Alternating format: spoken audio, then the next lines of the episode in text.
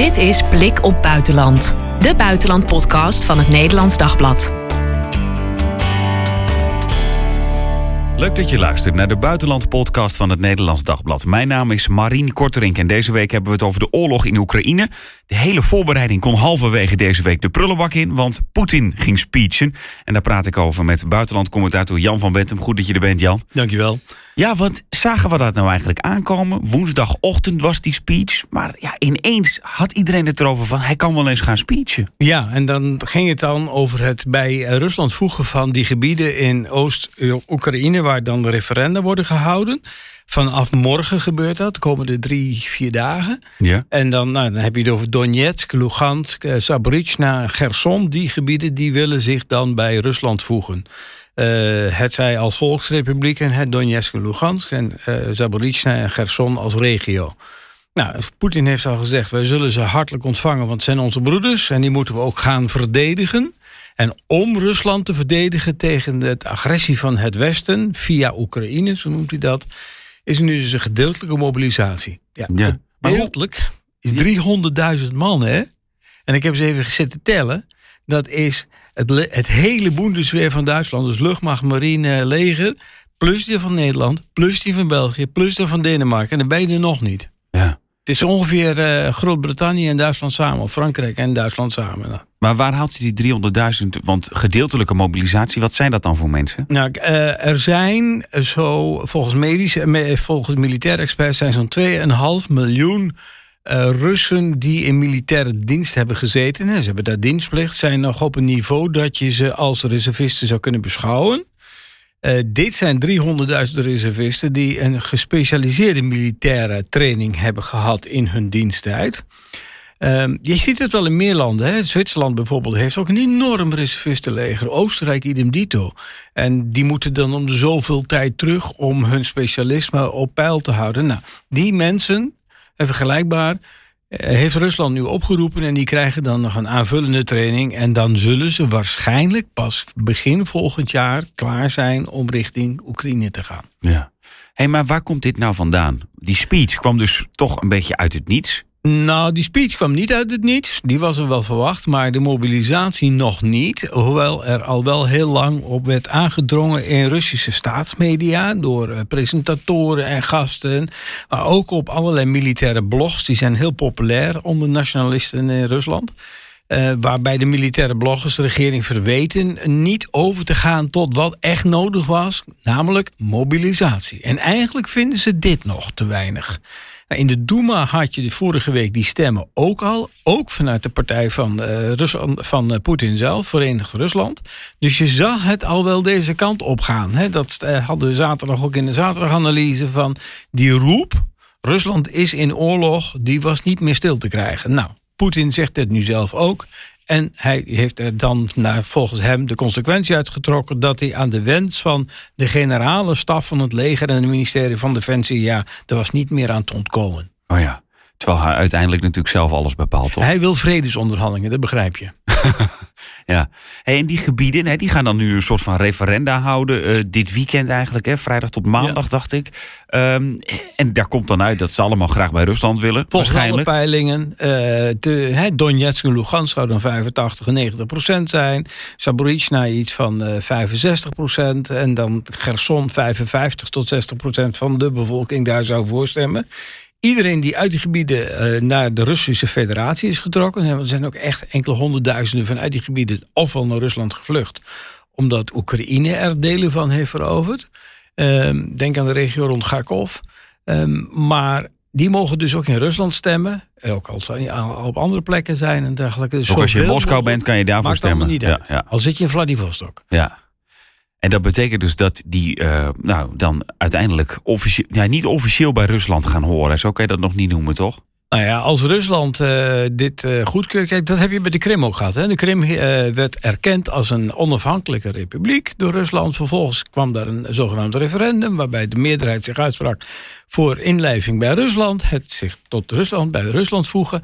Eh, dat is dan goedgekeurd door de Duma en de Russische Federatieraad. En toen kwam er de handtekening van Poetin onder te staan. Deze keer lijkt het erop dat eh, Poetin helemaal niet wacht op Duma of Federatieraad. eh, al dat gedoe. direct zijn handtekening zet. Punt. Wat zijn de gevolgen daarvan als straks nou, dan is dat dus Russisch grondgebied. En dan komt dus deel 2 van de toespraak van Poetin. Wie Russisch grondgebied aanvalt, dat zal heftig worden verdedigd. En met alle middelen, en dat heeft hij tot twee keer toegezegd. Ik bluff hier niet bij. Met alle middelen die tot onze beschikking staan. Dus inclusief nucleaire wapens. En dat verandert dus voor het Westen die oorlog ook. Want gebieden waar je nu bij wijze van spreken uh, wat deed, dat kan, na het weekend kan dat niet meer. Nou ja, eh, het, het, gaat verder. Ook die delen van Donetsk, Lugansk en Zaporizhzhia en Gerson... die nu nog onder, in handen van de Oekraïners zijn... vallen dan zogenaamd onder Rusland. Oeps. Ja, en dan, dan, en dan kan Poetin technisch gezien zeggen... Wij hij gaan zelf, Rusland heroveren. Ja, of Oekraïne is op ons terrein uh, terechtgekomen. Ja, dat zegt hij al lang al. Ja. Maar wat hij ook zegt, en dat heeft in deze redenvoering verder benadrukt... dat... Ehm, eh, de Oekraïense troepen onder feitelijk de facto commando staan van westerse adviseurs, van NAVO-militairen.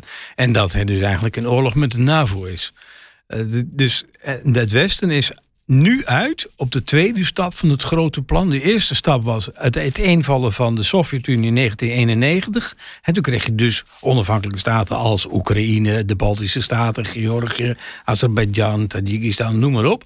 Nu moet dan stap 2 komen: het uiteenvallen van de Russische Federatie in regio's die uh, elkaar naar het leven staan. En dus vijandig tegenover elkaar. Dat is het grote doel van het Westen, zegt uh, Poetin. En dat moeten wij uit alle macht voorkomen. Ja. En die dreigementen, of uh, er wordt gezegd dat is ook bluffen. hoe, hoe duid jij dat? Over nucleaire wapens. En we gaan nou, Dat heeft hij aan het begin van de operatie ook meteen gedaan, 24 februari, of die reden van 23 februari. 24 februari begon de speciale operatie om uh, de genocide in Oost-Oekraïne te stoppen, zoals hij dat noemde. Hè? Want daar zou Oekraïne dus genocide plegen op de lokale bevolking. Dat zegt hij nog steeds. Um, toen heeft hij ook meteen gezegd: zij die ons voor de voeten lopen, zullen te maken krijgen met een verwoesting zoals ze nog nooit hebben meegemaakt. Nou, dan erger dus dan Hamburg of Dresden in de Tweede Wereldoorlog of de verwoesting van Rotterdam. Dat, dat spookbeeld riep hij toen al op. Is toen ook heel veel over gesproken, ook nu weer. Uh, wat je wel ziet is dat China meteen heeft gezegd, echt binnen een paar uur na de redenvoering van Poetin, van uh, ze zouden toch eens om tafel moeten gaan, Oekraïne en uh, Rusland. vredesbespreking en staakt het vuur en dan vredesbespreking om tot een oplossing te komen. Maar dat zegt China steeds. Dus eh, er wordt nu wel geroepen van, ja, China doet dit nu. Ja, oké. Eh, dat doet het elke week. Oh ja, ja die zeggen altijd van het zou goed zijn als iedereen op tafel gaat. Ja. ja. En, en, en zo'n land als Turkije, daar hebben we het eerder over gehad, hè, dat die eigenlijk eh, goed contact hebben met Rusland en met Oekraïne. Ja, dat, dat, blijkt, dat blijkt opnieuw uit de krijgsgevangenenuitwisseling. Uh, bijvoorbeeld die, uh, die Oekraïnse militairen in Azov toen in de Azovstal in Azovstal, in die fabriek. Daarvan zijn er een stuk of 50 nu naar Oekraïne gekomen. In ruil voor Russische krijgsgevangenen die Oekraïne heeft vrijgelaten. Dus er is nog steeds contact. Er zijn nog steeds mogelijkheden. En ja, dat contact, die bemiddeling daarin, wordt gedaan door Erdogan. Ja, maar zegt hij dan hier ook iets over? Nou ja, hij wil ook wel besprekingen, maar, uh, en dat heeft hij al eerder gezegd en heeft ook eerder geroepen van wij willen daar platform voor zijn. Israël heeft dat gedaan. Nou, er zijn dus aan beide partijen zijn er, zijn er nu voorwaarden gesteld. Zelensky heeft het ook nog weer gezegd in zijn redenvoering voor de Algemene Vergadering van de Verenigde Naties vannacht. Uh, maar Oekraïne wil dan dat Rusland de bezette gebieden opgeeft, inclusief de Krim. Uh, Rusland wil dat de nieuwe gebieden van Rusland straks, dat Oekraïne erkent dat die tot Rusland behoren, dus die wil nieuwe grenzen trekken. Uh, die twee verhouden zich niet tot elkaar. Eh, ik bedoel, de voorwaarden voor de gesprekken vooraf, die zijn zo dat ze niet aan tafel gaan. Ja. Tenzij er iets heel opmerkelijks zou gebeuren. En dat is? Nou ja, of Rusland gebruikt verschrikkelijke wapens in Oekraïne. Dat Oekraïne echt eh, door uh, terreur op de knieën wordt gedwongen. Maar daarvan heeft Amerika al gezegd: dit gaan we niet accepteren. Dat kan niet. En Europa heeft dat ook bevestigd. Hè. Josep Borrell, de hoge buitenlandsvertegenwoordiger, heeft ook gezegd dat Rusland eh, nu met nog strengere sancties te maken zou moeten krijgen. Nog sterker gericht op, op de kliek van Poetin en de zijnen. Um, maar, en dat er dus nog meer wapens naar Oekraïne moeten gaan. Dat is de andere optie van de doorbraak. Dat Oekraïne wel de beschikking gaat krijgen over de gevechtstanks. Waar het al zo lang om vraagt. De Leopard gevechtstanks. Waar de Russische tanks geen schijnvakans tegen blijken te hebben. Eh, maar ook om raket-artilleriesystemen, zoals dat dan heet. dus raketten die je als granaten kunt gebruiken. Die heel precies zijn. Nu hebben ze die, die zogenaamde HIMARS. Uh, met een bereik tot 80 kilometer. Die zetten ze al uiterst effectief in. Maar ze willen ook graag die met een bereik van 200 tot 300 kilometer. Dan kunnen ze bijvoorbeeld de Russische basis op de Krim wegvagen. Het, en er zijn al geruchten dat bijvoorbeeld de onderzeeërs van de Zwarte Zeevloot al mhm. van de Krim zijn teruggetrokken. Dus niet meer in de haven van Sebastopol liggen, maar uh, in Zuid-Rusland. Maar Poetin die wordt teruggedrongen, dat klinkt voor mij ergens ook als slecht nieuws. Als in, natuurlijk is dat positief, uh, maar dat hij een kat in het nauw. Maakt gekke sprongen. En daarom, uh, daar zijn de Russen ook bang voor. En dat zag je in de demonstraties afgelopen avond. Uh, de, er zijn organisaties, als, als ik heb hier even in het Russisch dan, uh, een telegramoproep van de, de beweging Lente, Vesna. Mm die, heeft, die had opgeroepen tot grote demonstraties in alle grote Russische steden. Gisteravond te beginnen om 7 uur lokale tijd. Dus dat begon in het oosten. Ja, en onmiddellijk begonnen ook de arrestaties. Maar in minimaal 15 steden zijn er tamelijk uh, forse demonstraties geweest. Waar dat is nieuw, hè, denk ik. Nou, dat is er wel vaker gebeurd. Maar nieuw is dat zij de lange gevangenisstraffen die hierop staan... om je uit te spreken tegen de oorlog... Uh, dat ze die trotseren. En ja, hoe dat zich zal uh, uitwerken. Er zijn nu, de berichten die ik gisteravond laat zag... 1200 mensen opgepakt, minstens. En wellicht nog meer. En wat gaat daarmee gebeuren? Krijgen ze een berisping? Eh, gaan ze een aantal dagen de bak in? Gaan ze voor jaren de bak in? Hoe hard wordt dit? Ja, want wat doet het met de, die, die speech? Hè? Dit is de tweede keer, wordt veel benoemd, dat die speech zeg maar, aan het begin van de oorlog werd er gespeecht. En nu ook weer. Wat doet dat met de dynamiek in Rusland? Want nou, dus blijkbaar ook veel mensen die inderdaad wel protesteren. Nou ja, kijk, wat je dus hebt is de Russen weten wel dat er best wel verliezen zijn. Shoigu, de minister van Defensie, heeft gisteren toegegeven dat er bijna 6000 Russische militairen zouden zijn gesneuveld. Nou, dat, dat cijfer is waarschijnlijk al veel te laag. De Oekraïners, de Oekraïners hebben het over bijna 50.000 Russische doden. Dat is waarschijnlijk te hoog. Maar doe maar keer vijf of zo. Weet je? Ah, Dan zit je toch op, op 25, 30, 35.000 gesneuvelde Russen. En dat zie je dus ook in die oproep uh, om in de centra van alle steden te demonstreren. En daar staat van deze gedeeltelijke mobilisatie betekent dat duizenden Russische mannen, onze vaders, broeders en echtgenoten, in de gehakt molen van de oorlog zullen worden geworpen. Waar zullen ze voor sterven? Waarom moeten moeders en kinderen hun tranen vergieten? Voor Poetins paleis, hè, dat is een terugverwijzing naar een documentaire van Navalny en zijn organisatie over een gigantisch paleis wat Poetin heeft laten bouwen uh, bij de Zwarte Zee. En uh, dit soort taal komt dus wel op telegram in veel Russische huiskamers. Ja. En maakt dat ook dat van die 30.000 eh, ja, militairen die gemobiliseerd worden. 300.000. Of 300.000. Dat, dat ze nog proberen daaraan te ontkomen. Nou ja, ik hoor ook dat mensen proberen hun arm te breken. omdat ze dan niet uh, ja, de leger in hoeven. Nee, dat, daar staat nu strenge straf op. Er is een wet aangenomen, ook gisteren, door de Russische Federatieraad en eergisteren al door de Duma. Dat wanneer je probeert aan je dienstplicht te ontkomen. Of wanneer je overgeeft zonder dringende oorzaak. En je bent dus zwaar gewond en dan kun je niet anders. Of wanneer jij uh, deserteert. Je voor zeker uh, tot tien jaar de bak in gaat. En dat kan ook zijn uh, zelfbeschadiging. He, dus om, om die manier aan de dienstplicht te ontkomen. de, de, protesten, uh, het ontwijken van dienstplicht, noem maar al dat soort zaken. Er zijn zelfs nieuwe eh, elementen in de Russische strafwetgeving opgenomen om dit soort uh, dingen goed te kunnen aanpakken, om de dwang veel groter te maken. Dus de mogelijkheid is veel kleiner. Wat je dus nu ziet is de enige optie is wegwezen uit Rusland. Vluchten uit Rusland zijn absoluut volgeboekt tot eind september. Zelfs in oktober al. De prijzen zijn de lucht ingeschoten. Uh, maar ja, wie, wie kan, probeert weg te komen, lijkt het. Ja. Wat verwacht jij van de komende tijd dan qua op het gebied van deze oorlog? Hoe gaat zich nou, dat nu ontwikkelen? Op dit, Verandert dat? op dit moment zie je dat de Russen zich aardig aan het ingraven zijn eh, voor de winter. Want je krijgt de herfst al. Dan krijg je dus eh, heel slecht eh, terrein voor, voor met name panzervoertuigen en tanks. De winter is ook niet echt een, een moment om, om oorlog te voeren. Dan wordt het meer een loopgravenoorlog, tenzij je die lange afstandsraketten kunt gebruiken. Dus, en dat zullen beide partijen willen doen. Rusland gebruikt ze al enorm. En, eh, denk aan beschieting van eh, de tweede kerncentrale van eh, Oekraïne deze week nog bij Mykolaiv, in de regio Mykolaiv.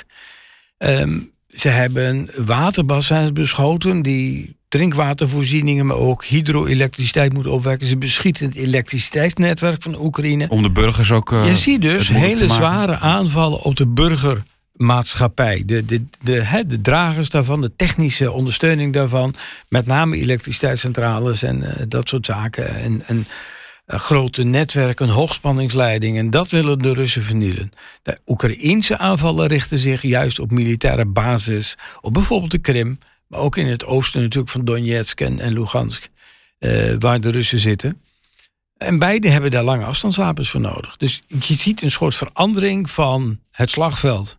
Man tegen man, bij wijze van spreken. Tank tegen tank. Naar deze langere afstands bombardementen met raketten en ook wel met vliegtuigen. Ja, dat, dat is even een karakter wat nu eh, belangrijk is. Eh, en dan, als de lente daar is, dan, dan is dus vraag A, is Poetin er nog? B, heeft hij zijn eh, reservisten eh, eh, strijd klaar? C, gaat hij het offensief hernieuwen? A, is Poetin er nog? Is er een kans dat hij er dan niet meer is? Op dit moment is er niemand in staat om hem de voet dwars te zetten. De, de, de, de draconische wetgeving tegen protesten. Kijk maar wat er met Alexei Navalny is gebeurd.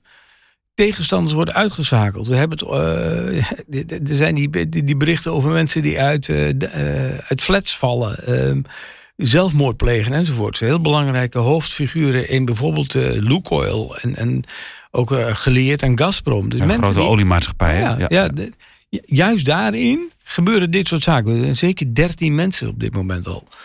Ehm, er is angst dat wanneer jij je verzet, je dat met de dood moet bekopen. Dus dat, ja, dan, dan, dan moet er een grote onderhuidse organisatie zijn die in staat is om in één keer die kliek stil te leggen. Maar dan moet je ook de hele FSB, dus de opvolger van de KGB, stilleggen.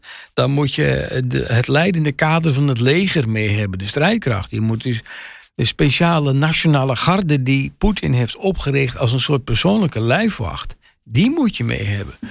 En dat zijn, ja, dat zijn enorme ingrepen waar je het dan over hebt. Ehm, ergens dat scenario wat Poetin schetst van het Westen wil dat Rusland uit elkaar valt, ergens jaagt hij Rusland zelfs die kant op. Want je ziet het, het verzet in het oosten van Rusland is er al een paar jaar. Daar zijn al veel langer demonstraties tegen corruptie, tegen door het Moskou opgelegde gouverneurs en dergelijke. Ehm, dus die afstand van Moskou in die, die, in die wat dan heet perifere gebieden, de verder afgelegen gebieden in Rusland. Het is een enorm land, hè. daar kunnen we in, Nederland ons geen voorstelling van maken. Die, die afstand is al enorm toegenomen. En als jij dan wordt gedwongen om jouw jongens het leger weer in te sturen, tegen je wil in. Nou, daarom was er ook zo'n sterke nadruk op een vrijwilligersleger met hoge soldij. En een van de maatregelen is ook dat zij die nu worden opgeroepen als reservist ook acuut dezelfde status krijgen als beroepsmilitairen.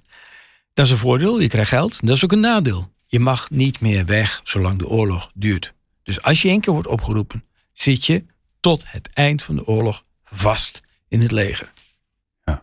Nou, goed over nadenken. Maar je hebt misschien ook eigenlijk weinig keus. Op dit moment niet, nee.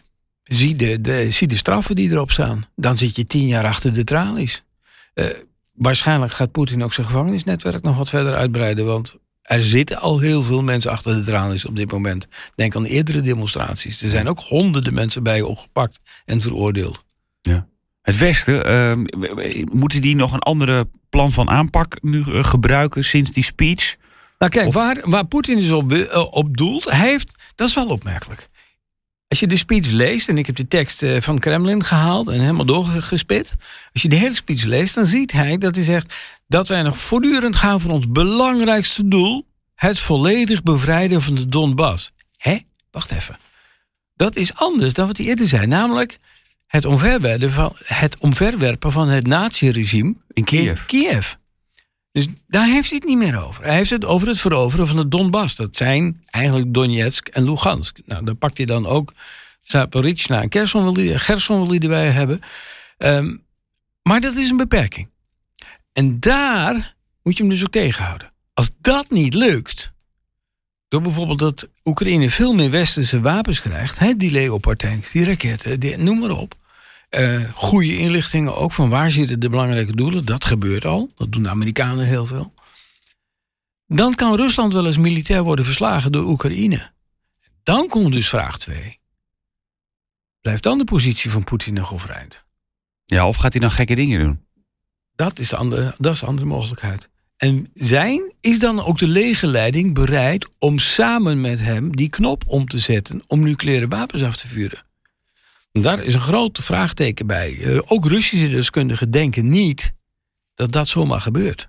Want hij heeft minimaal Shoigu, de minister van Defensie, daarvoor nodig. Nou, dat is wel een hele nauwe vriend van hem. Die heeft ook deze mobilisatie eh, verdedigd. Ook weer in een speech direct naar Poetin. Ook georganiseerd. En dan heb je de opperbevelhebber van het leger Gerasimov nodig. Generaal Gerasimov. Die is daar niet zo voor. Voor gebruiken van nucleaire wapens. Dat heeft hij in eerdere speeches wel duidelijk gemaakt. En ehm, dan als, als Poetin richting inzet van nucleaire wapens zou willen gaan, moet je opletten wat er gebeurt met Gerasimov.